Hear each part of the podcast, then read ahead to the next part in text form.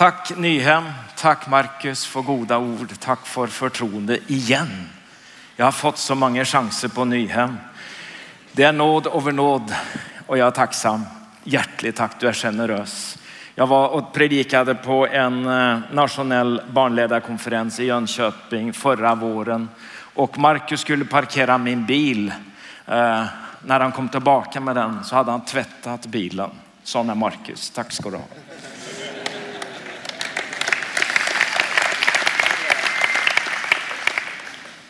Tack ska du ha. Jag uppfattade att dagens tema var att leva överlåtet hela livet. Och jag ska bara kolla att det finns några bilder av det jag har någonstans. Jag vet att jag har tekniken där. Eh, första kärleken, tro, hopp och kärlek över tre år. Det här året är fokus på kärlek och Idag handlar det om att leva överlåtet hela livet, att bevara den första kärleken och jag tänkte att gå på det ved att tala om att vara fri och villig. Går det bra? Jag vet att ni av och till säger volontär, men frivillig går också bra va? Det är ett ord bestående av två och de två orden är att vara fri det är en förutsättning. Och det andra är att vara, att vara villig. Och Jesus gjorde inte det här på slump, men han bestämde sig för att hans rike skulle byggas på frivilligt sätt. Inte vid tvång, inte vid krav, men han skulle bygga sitt rike av frivilligt folk. Det var det han satte grunden för när han kallade sina lärjungar. Jag tänker som så att det finns egentligen bara tre olika typer kristna. Det är de ovilliga, det är de motvilliga och det är de frivilliga. Så får du tänka vem är jag? Är jag motvillig? Är jag ovillig? Eller är jag en frivillig? Jag har tre frågor eh, till alla här och det är, går det an att det är någonting som heter frivillig tvång? Finns det frivillig tvång? Den andra frågan är, är det möjligt att vara slav av sin frihet? Kan man vara slav av sin frihet? Den tredje frågan är, kan man vara bunden av kärlek? Tre frågor alltså. Finns det möjlighet att eh, det finns någonting som heter frivillig tvång. Kan man vara slav av sin frihet och kan man vara bunden av kärlek? Ni ser ut som stora frågetecken. Ni undrar på allt, nu förstår ni inget. Och jag tränger hjälp. Jag tränger hjälp om vem Paulus är i detta. Jag tränger hjälp att tolka orden från första Korinthierbrevet kapitel 9, vers 16 och 17 och vi läser tillsammans högt alla. Ni läser bättre svenska än jag. Där står det, och jag vill att ni ska kolla hur är, eller vart är Paulus i detta? Ty att jag sprider evangeliet är inget att vara stolt över. Jag är ju tvungen till det. Ve mig om jag inte förkunnar evangeliet. Om jag gör det av eget val har jag ju lön att vänta. Men gör jag det därför att jag måste utför jag bara ett uppdrag. Gjorde Paulus det han gjorde frivilligt? Vi stämmer nu.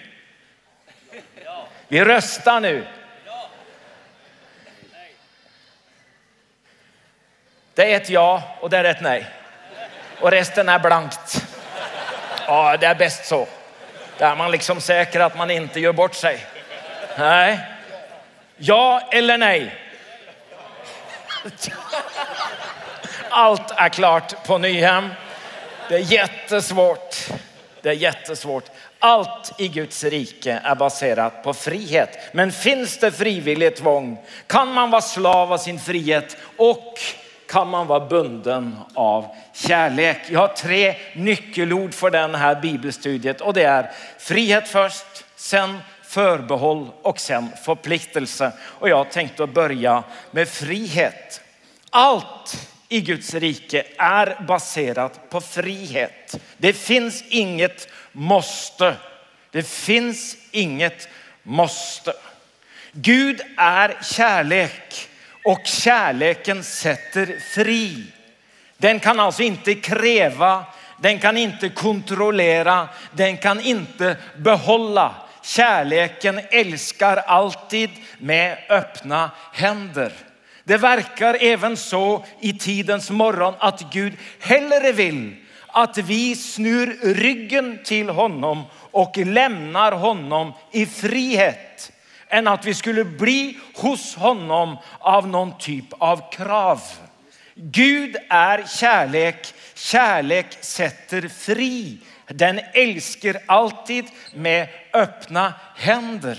Sen så söker vi en annan typ av frihet och det sätter oss i ett annat typ av slaveri. Det kan vara religiöst slaveri när vi blir slaver under regler och ritualer. Ja, och vi kan gå in i ett syndigt, världsligt slaveri när vi blir slaver av synden. Men kärleken sätter fri och Jesus kom för att frigöra oss. Och Jesus är vår frigörare, evangelium är vårt frihetsbrev, kyrkan är en frigöringsbevegelse och vi läser tillsammans. Till den friheten har Kristus befriat oss. Stå därför fasta och låt ingen lägga på er slavoket igen. Stå därför fasta. Det finns ingen måste. Du måste inte läsa Bibeln. Jag hörde ett försiktigt halleluja. Det är bra att det är försiktigt. Du måste inte bedja. Du måste inte ge pengar. Du måste inte tjäna. Du måste inte gå på gudstjänst. Det finns inget måste i evangeliet. Allt är uppfyllt i Kristus Jesus. Låt inget eller ingen lägga dig under någon typ av slavok igen. Evangelium är ditt frihetsbrev. Halleluja. Du måste inte, du måste inte. Vi vet ju att Norge levde under eh, ockupation i fem år. Och den som har levt under ockupation vet ju någonting om vad det betyder att mista, förlora sin frihet. Det betyder att man är ockuperad, occupied. Eh, vet, för min generation så är ju allt annorlunda. Jag är född efter krigen, även om ni inte tror det. Så levde jag upp efter krigen och hörde om vad som skedde under kriget och att allt var annorlunda. För min generation har vi några märkedagar. Och min generation som lever efter kriget är den stora märkdagen där Norge slog Brasil i fotboll. Det är vår stora dag. Det är vår stora dag, det berättar vi om. Och så frågar vi varann, var var du? Vart var du när Oddvar Brå brack staven, säger vi i Holmenkollen på det stora VM i Holmenkollen. Det är våra stora dagar. Vart var du när det hände? Men den stora dagen i min mors liv, där när hon jobbade på sjukhuset i Fredrikstad. Och det var någon som kom i korridoren och hade radion på. Och hon visste att det var olagligt och hon visste att det fick man inte ha. Hon löp ut i korridoren på sjukhuset och så ropade den här mannen med radion. Vi är fria, vi är fria, vi är fria. Vi är ett fritt folk. Vi är fria 8 maj 1945. Den här bilden är överdragningen av auktoriteten över Akershus fästning i Oslo när det sker formellt 11 maj. När den här Terje Rolleg stiller i sin nickers och möter de här tyska officerarna som blev förnärmat av att han inte hade klätt sig eh, tillräckligt bra. Han representerade tiotusenvis av unga norrmän som hade gett sitt liv för den här friheten. Och han säger efterpå, Terje, det var först när jag såg norska flaggan på toppen av flaggstången att jag förstod, det är sant, vi är fria. Du vet, de som har varit ockuperade, de vet vad det vill säga att vara fria. För oss andra blir frihet en typ av självklarhet av och till en märkvärdighet. Du vet, det var den dagen och de dagarna de stängde butikerna för att de var så glada. Vi kan inte hålla butiken öppen nu. Det är glädje överallt. Alltså man stänger på grund av glädje av frihet. Ja.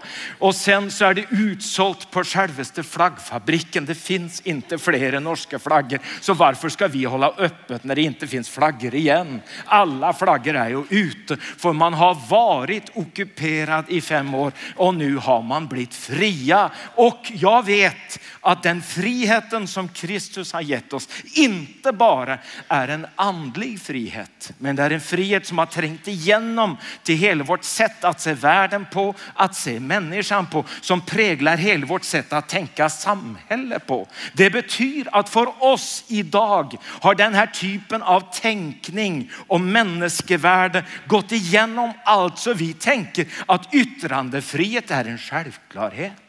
Att politisk frihet, att vi kan välja vilket politiskt parti vi vill, det är en självklarhet för oss. Att det finns religionsfrihet i våra länder är en självklarhet. Att du kan välja religion, att du kan utöva religion och du kan byta religion är för oss en välsignelse. Men för oss finns det ju närmast som en självklarhet. Och du kan gifta dig med vem du vill, om den andra också vill. Ja, det är en liten haka där, det är en liten haka där. Men det betyder också att det finns en social frihet, enten du är man eller kvinna, du är född vit eller svart eller fattig eller rik. Så finns vi alltså som svenskar och norrmän nu i våra dagar som någon av världens mest fria människor. Det betyder att vi har fått en frihet att förvalta som vi får känna på finns ingen självklarhet. Selv om det kan ju ta sig lite andra utslag. Alltså man sätter upp lappar i norska butiker idag också. Men nu säger man bara ifrån, jag är ute bara på en liten snartur, jag kommer tillbaka om tre veckor.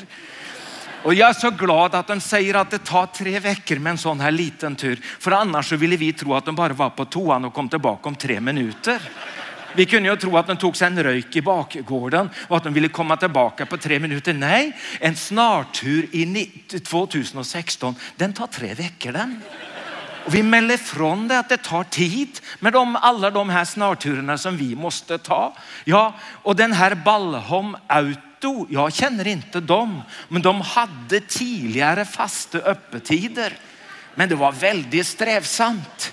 Alltså då har man ju bestämt när man måste komma och då har någon bestämt när vi ska låsa.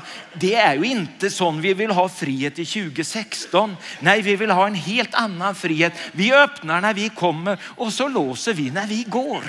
Och när det är, är det ju ingen som vet. Och den här tjejen som äger den här butiken, hon får ge besked till sina anställda att de som kommer för sent på jobbet, om ni håller till höger så kolliderar ni inte med de som går för tidigt hem.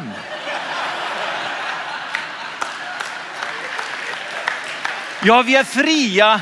Vi är fria i 2016 också. Men det är bara en annorlunda frihet. En frihet som på ett sätt ligger lite märkvärdig upp mot någon typ av raritet. Frågan var, är det möjligt att vara slav av sin frihet? Är det möjligt? Bibeln säger någonting om förbehåll. Förbehåll är ju en märkvärdig sak. Man tror ju att för att bevara sin frihet så får man lägga in så många förbehåll som möjligt. Säger ni förbehåll? Det här ger mening. Ja. Vet, om du googlar vi tar förbehåll om så får du hundratusener av responser på vårt lilla språk i löpet av ett sekund så kommer det upp hundratusen respons. Du kan inte läsa alla, men många har förstått att om man driver med köp och salg och ska göra avtal så lönar det sig att lära sig betydelsen av detta lilla ordet förbehåll. Det är jättesmart. Man kan ta förbehåll om prisändringar. Det kan man ta. Man kan ta förbehåll om eh, produkt eller produktionsändringar. Man kan ta förbehåll lite mer generellt om ändringar överhuvudtaget. vi tar förbehåll om ändringar och det är väl den jag rekommenderar allra bäst för då har du täckning för allt. Ja, du tar bara förbehåll om ändringar och sedan allt ändras hela tiden så kan du alltid känna att du kan gå av ett avtal. För det finns ju total frihet i alla dessa förbehåll. Eller finns det ingen frihet i förbehållet? Är det det som är själva slaveriet? Det är det som är frågan. Man får ju säga i Bergen, där de är känt för att ha så dålig vär, att man får ta värförbehåll eller förbehåll om vädret som man säger i Sverige. Och det behöver man ju inte ta i Afrika. För i Afrika så finns det ju sol i tre månader i sträck och man vet ju att det är sol idag och det är sol imorgon. Så man tar ju inte förbehåll om vädret. Nej, det gör man i Norge och det gör man i Sverige för där har vi fyra typer väder i löpet av en dag. Jajamän, det snör på morgonen och det är sol på eftermiddagen och sen så räknar det på kvällen. Så vi måste ta förbehåll om vädret. Och nu har jag varit pastor i 40 år. Och i 40 år har jag stått upp varje söndag morgon och tänkt, vad slags väder är det idag? Är det passelig, är det ett bra gudstjänstväder? Och det frågar jag dig om, om Markus, vad är ett bra, riktigt bra gudstjänstväder? Vet du det? Det får inte vara för kallt. Nej, för då måste vi vara inne. Det får inte vara för mycket snö för då måste vi på fjället och gå på ski. Ja, det får inte vara för varmt, då måste vi bada. Ja. Vad är ett bra gudstjänstväder? Lag. För jag har tänkt att det är så fint att man får säga ifrån att man håller stängt när det är för fint väder också. Så vi vill inte hålla öppet när det är regn och vill inte hålla öppet när det är sol. Och jag har tänkt, kan man vara kristen med en typ av förbehåll? Att man rätt och slett kunde sätta i annonsen eller sätta på kyrkdörren. Här är det gudstjänst söndag klockan 11 med förbehåll. Det är förbehåll om vädret. Om det är för mycket, om det är för lite, om vad som händer. Alltså vi tror att vi bevarar vår frihet i förbehållet. Nu läser vi igen. Ni är ju kallad till frihet bröder. Låt bara inte den friheten ge köttet något tillfälle Ni kan göra bättre än detta. Läs den sista sättningen bättre. Utan en frihet utan kärlek är bara en annan form för slaveri.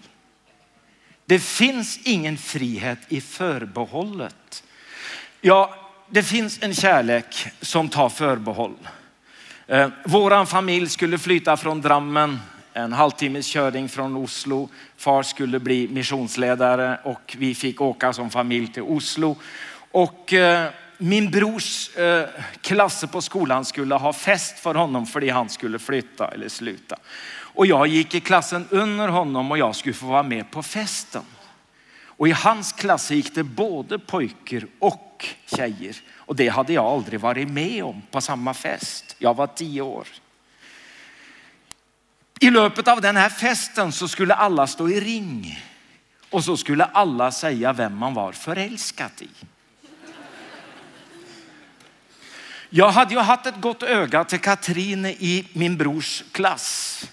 Jag var förälskad i Katrin, men jag hade ju aldrig sänt någon signal till henne att jag var förälskad i henne. Och hon hade ju aldrig sänt någon signal till mig om att hon var förälskad i mig. Så jag visste ju inget om detta. Men hon stod i den här ringen och nu började att komma närare och närare mig. Och jag visste ju inte att man kunde ta förbehåll.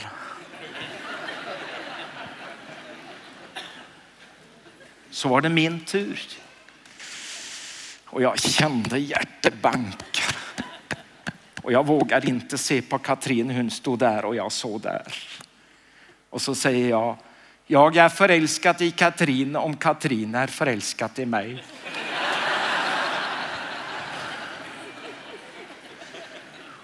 Och lika hjärtlöst log de som ni gjorde nu.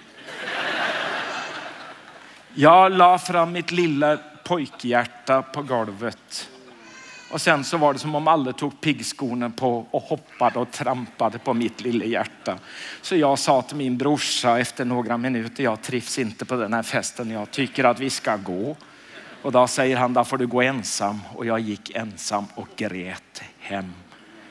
Jag förstod inte varför de log.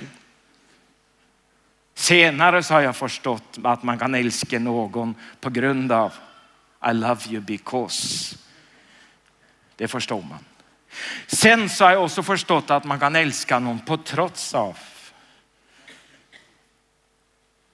Men jag har aldrig förstått att man kan älska någon med förbehåll om.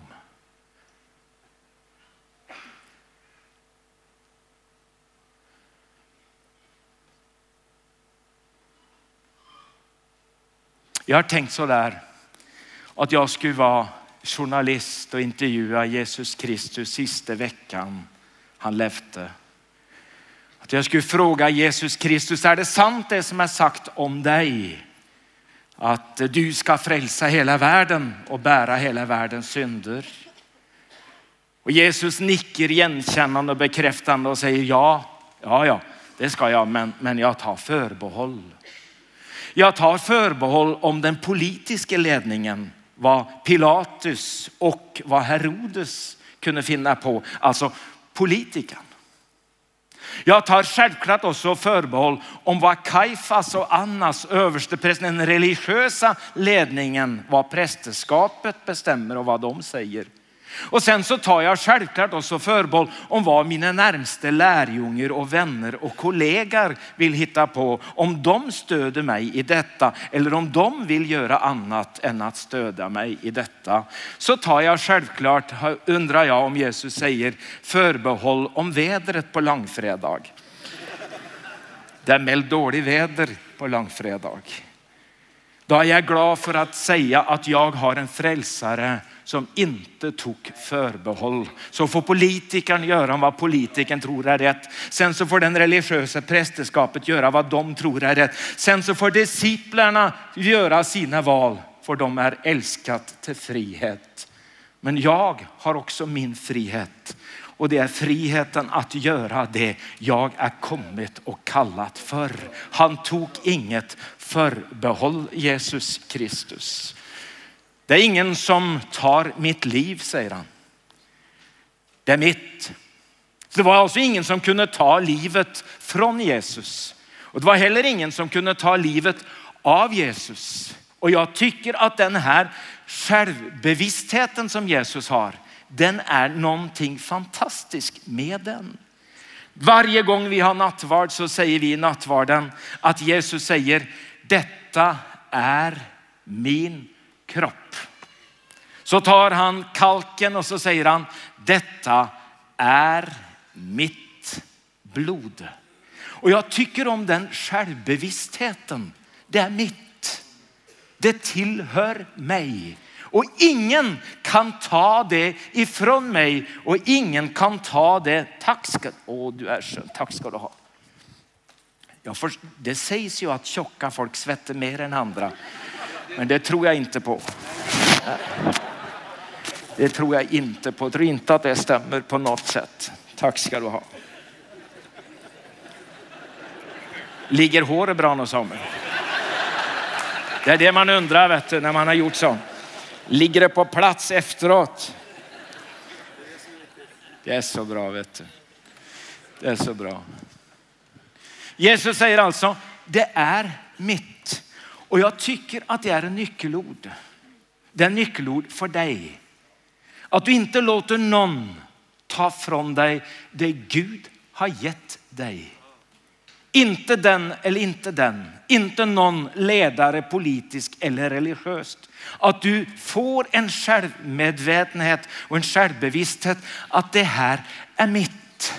Jag har fått det och jag förvaltar det. Så ingen får ta det från mig vid att kräva, vid att kontrollera, vid att säga du måste, du ska eller du borde. Nej, det här är mitt. Jesus, det är bra att du säger det, det är mitt. Men heller ingen kan hindra Jesus i att ge det som är hans. Därför säger han, det är mitt, men jag offrar det. Jag ger det till er. Det är frihet. Det är frihet att säga det är mitt. Men vad jag vill göra med det som är mitt drivs enten av självupptagenhet eller av kärlek. Och när det drivs av kärlek så säger Jesus, det är mitt, ingen kan ta mitt liv, men jag ger det till er. Därför så tror jag att det inte är i förbehållet, men det finns i förpliktelsen. Friheten bevaras. Jag får visa er en bild som jag är mycket tacksam för. Det är, ja, vi fick sätta hatt på den ena så prästen kunde se skillnad mellan brud och brudgum.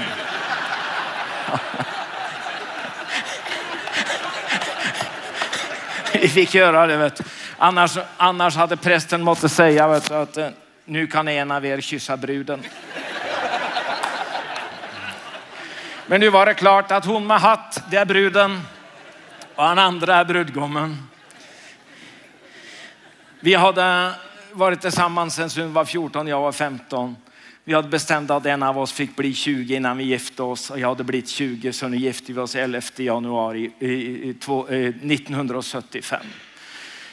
Vi står föran prästen och prästen frågar mig, vill du Egil Svartdal ha Turi Irene Lund som står vid din sida till din hustru. Vill du leva med henne efter Guds heliga ord och älska och ära henne och bli hos henne intill döden skiljer där.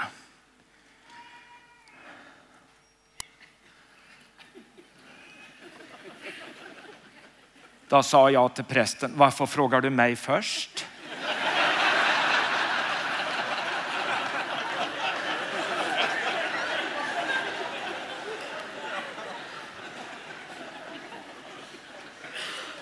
Jag vet ju inte vad hon vill säga. Och jag har ju varit med på det här en gång tidigare i Drammen. Jag är förälskad i Katrina. Visst Katrina är förälskad i mig.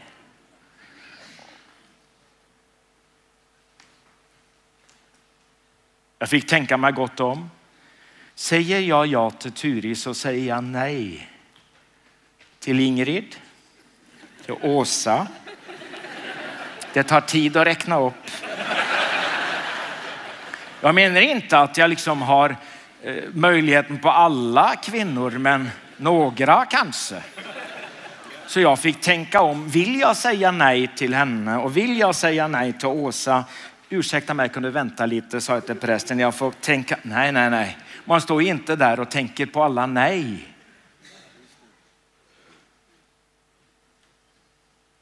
För alla dessa nej är ju egentligen bara ett stort ja. Den dagen gav jag den största delen av min frihet. Inte av tvång, inte av krav, men av kärlek. I detta ja finns det tusentals av nej. Men att bevara friheten sker inte med förbehåll om att hon älskar mig, att hon liker mig. Men det finns i detta, ja, och det har varit möjligt för oss att vara gifta i 40 år och äran för detta ska min fru ha i största grad. Hon är min första stora kärlek och jag tror hon blir min sista. Sån är det. Och i detta så gjorde ju sådana att när vi hade varit gift ett tag så kom det barn och det kom, alltså, det kom ju fem innan vi förstod var det kom ifrån.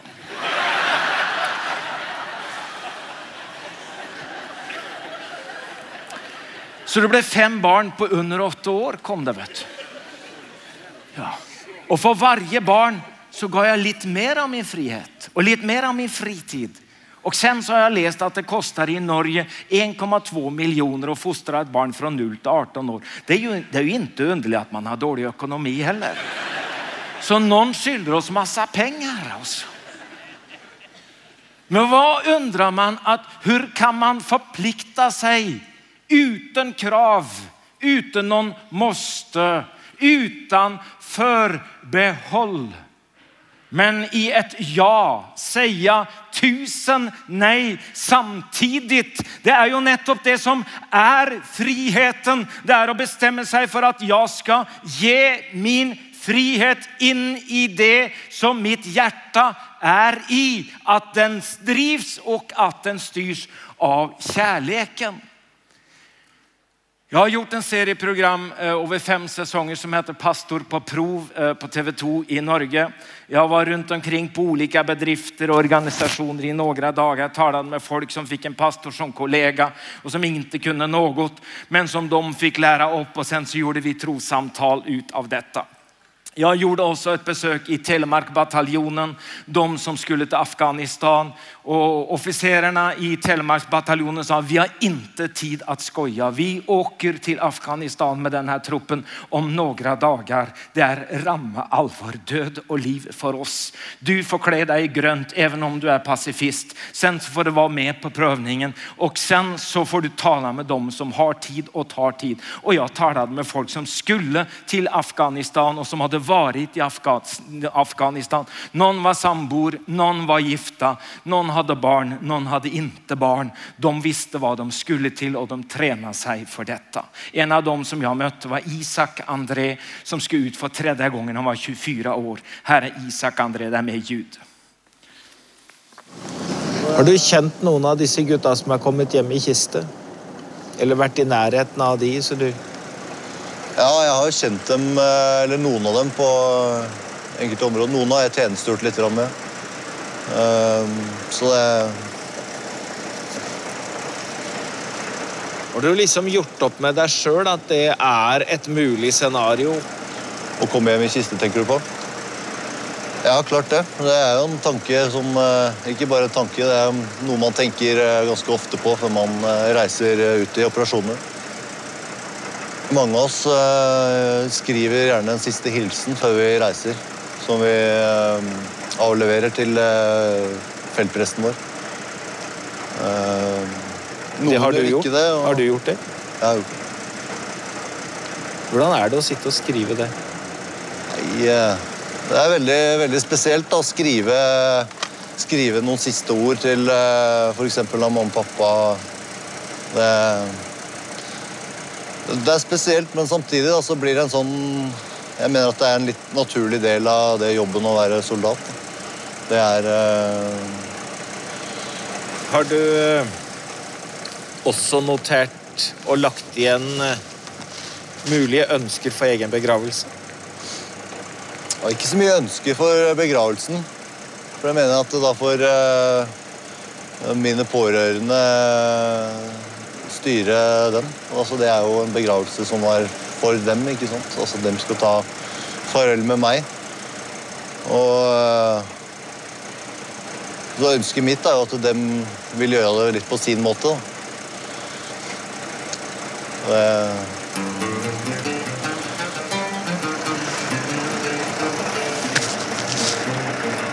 Mottatt. Da er casen avslutta.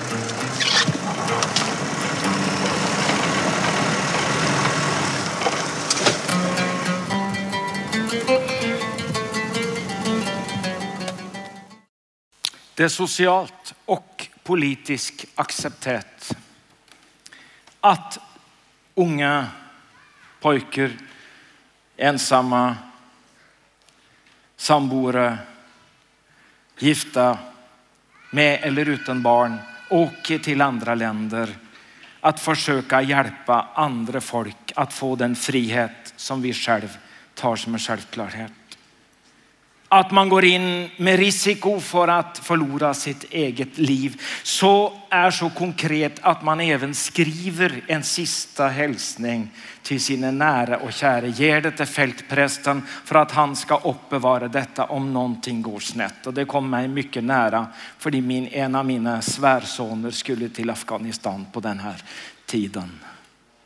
Jag tänker inte att alla ska gå in i svenska eller norska försvaret. Nej, nej, nej. Man kan för exempel gå in i frälsningsarmén. Ja, man kan gå in i frälsningsarmén, men det är det nästan ingen som gör. De senaste åren på officerskolan i Frälsningsarmén har det nästan inte varit någon på officerskolan. Kvinnan som leder skolan blev frågad om varför det är så få som går officersskolan och att de som går är som regel de som är 50 år och mer som har gjort sin karriär i livet och vill göra något mer meningsfyllt sista delen av livet. Och hon säger, ja det kan ju självklart ha någonting med beordringssystem att göra. Att någon annan än dig själv i så stor grad bestämmer vart du ska göra och vad du ska göra, det du ska göra som officer. Och sen så sa hon, det kan ju också betyda någonting med belöningen eller med lönsystemet. För hos oss har alla samma lön oavhängig av officersgrad. Det är ju ingen som går den karriärvägen. Eller? Jo, för någon år sedan, tre år sedan, snudde 15 unga mälde sig till officerskolan i Frälsningsarmén någon unge människa börjar tänka, jag vill inte ha en frihet som är en märkvärdighet när jag blir slav av min egen frihet. Jag har frihet att välja vad jag vill ge min frihet till. Och sen så går man in och så gör man något radikalt av sitt liv. Man kan för exempel också gå in i en katolsk kyrkan. När man ska gå in som präst i katolska kyrkan och man invigs till präst så lägger man sig ner med armarna fram och det ska betyda att man är är som en väg som folk ska gå in i Guds rike på.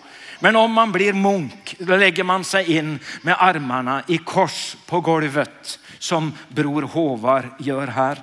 Eh, det ska betyda att man har gett allt och man har gett en tre stora löften om kyskhet, om fattigdom och om lydnad. Tre stora löften och en av dem jag känner gott som låg på det här sättet. Han sa, när jag låg där kände jag mig som världens mest fria människa. För om du har gett allt har du inget att förlora. Då har du inget att förlora. Jag tror på en frihet. För slav, nu läser vi tillsammans. Ty slaven som har kallats att och likaså är den fri som har blivit kallad Kristi slav. Gud har köpt er och priset är betalt. Bli inte slavar under människor. Amen. Vi avslutar detta. Men jag vet att det finns i några kyrkor eh, en eh, tradition för att på askonsdag få ett askkors i pannan. Det är inte många som gör det. Det skulle ju ta sig ut om du kom på jobbet och har så lite hår som mig och går med ett askkors i pannan. Det ska du bära i 40 dagar från askonsdag till skärtorsdag. Skär kommer av skir och det betyder att rensa. Man rensar det bort på skärtorsdagen. Men sånt så ska man alltså gå med ett askkors i pannan i 40 dagar. Det skulle tagit sig ut på jobbet och du skulle komma med ett askkors i pannan pannan och de skulle fråga varför gör du det? Det är inte viktigt med askekors i pannan, men det är jätteviktigt med ett stort kors i hjärtat. Att alla frågar dig varför gör du det du gör? Varför brukar du tiden på det du brukar tiden? Varför förvaltar du dina pengar som du förvaltar dina pengar? Och någon säger någon gång till dig, det kunde blivit någonting utav dig. Men han blev, han blev bara pastor eller predikant. Det kunde ju blivit något av dig. Det betyder att du själv bestämmer dig för vad du vill eh, eh bruka tiden din på, vad du vill bruka dina pengar på. Jag tror på en korsmärkt kalender. Jag tror på en korsmärkt ekonomi, för jag tror på ett korsmärkt liv. Jag tror på en frihet och jag inte söker alla förbehåll, men jag tror på en frihet som bevaras i en förpliktelse och att förpliktelsen inte är tvång, men förpliktelsen är en kärlek och att jag är bunden i min frihet till denna denna kärlek. Då tror jag att alla som är på Facebook får en hel helg med invitationer till allt möjligt. Då får man lära sig att tolka att ett ja betyder kanske, kanske betyder nej och att nej betyder känner jag dig. Jag tror att de flesta, alltså de flesta säger maybe, möjligt. Det är cirka 80 procent som svarar på alla invitationer på Facebook som säger maybe, kanske. Men nästan ingen av dem kommer. Men några av dem som säger ja kommer. Hör, lyssna väl nu. Ingenting viktigt, ingenting av någon betydning har någon gång, någon ställe blivit byggd av människor som säger maybe eller kanske. Lär dig att säga nej. Lär dig att säga detta är mitt, det är min tid. Du är inte ockuperad, men occupied betyder att du är på ett sätt upptatt av något annat. Att om du säger nej så säg ett helhjärtat nej för det är ditt, det är din tid, det är dina pengar, det är dina talanger. Lär dig att säga ja när du ska säga ja och kärleken vill säga ja i dig. Men gör det inte till någon vana, ett liv att säga maybe eller säga kanske. Rad ut detta kanske, säg ett nej eller säg ett ja, men säg inte kanske. Ska vi be tillsammans?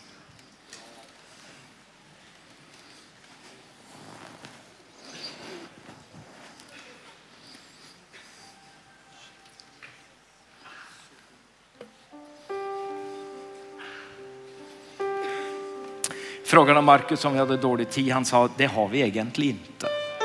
Jag vet att någon eh, har behov av att komma ut och det är helt okej okay eftervärt. Jag skulle önska att man tog de här första minuterna att fråga sig själv. Kan man vara slav av sin frihet? Kan man vara bunden av kärlek?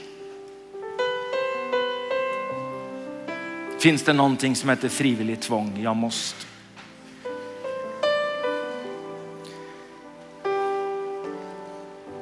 Vi delar inte ut askekors i pannan idag.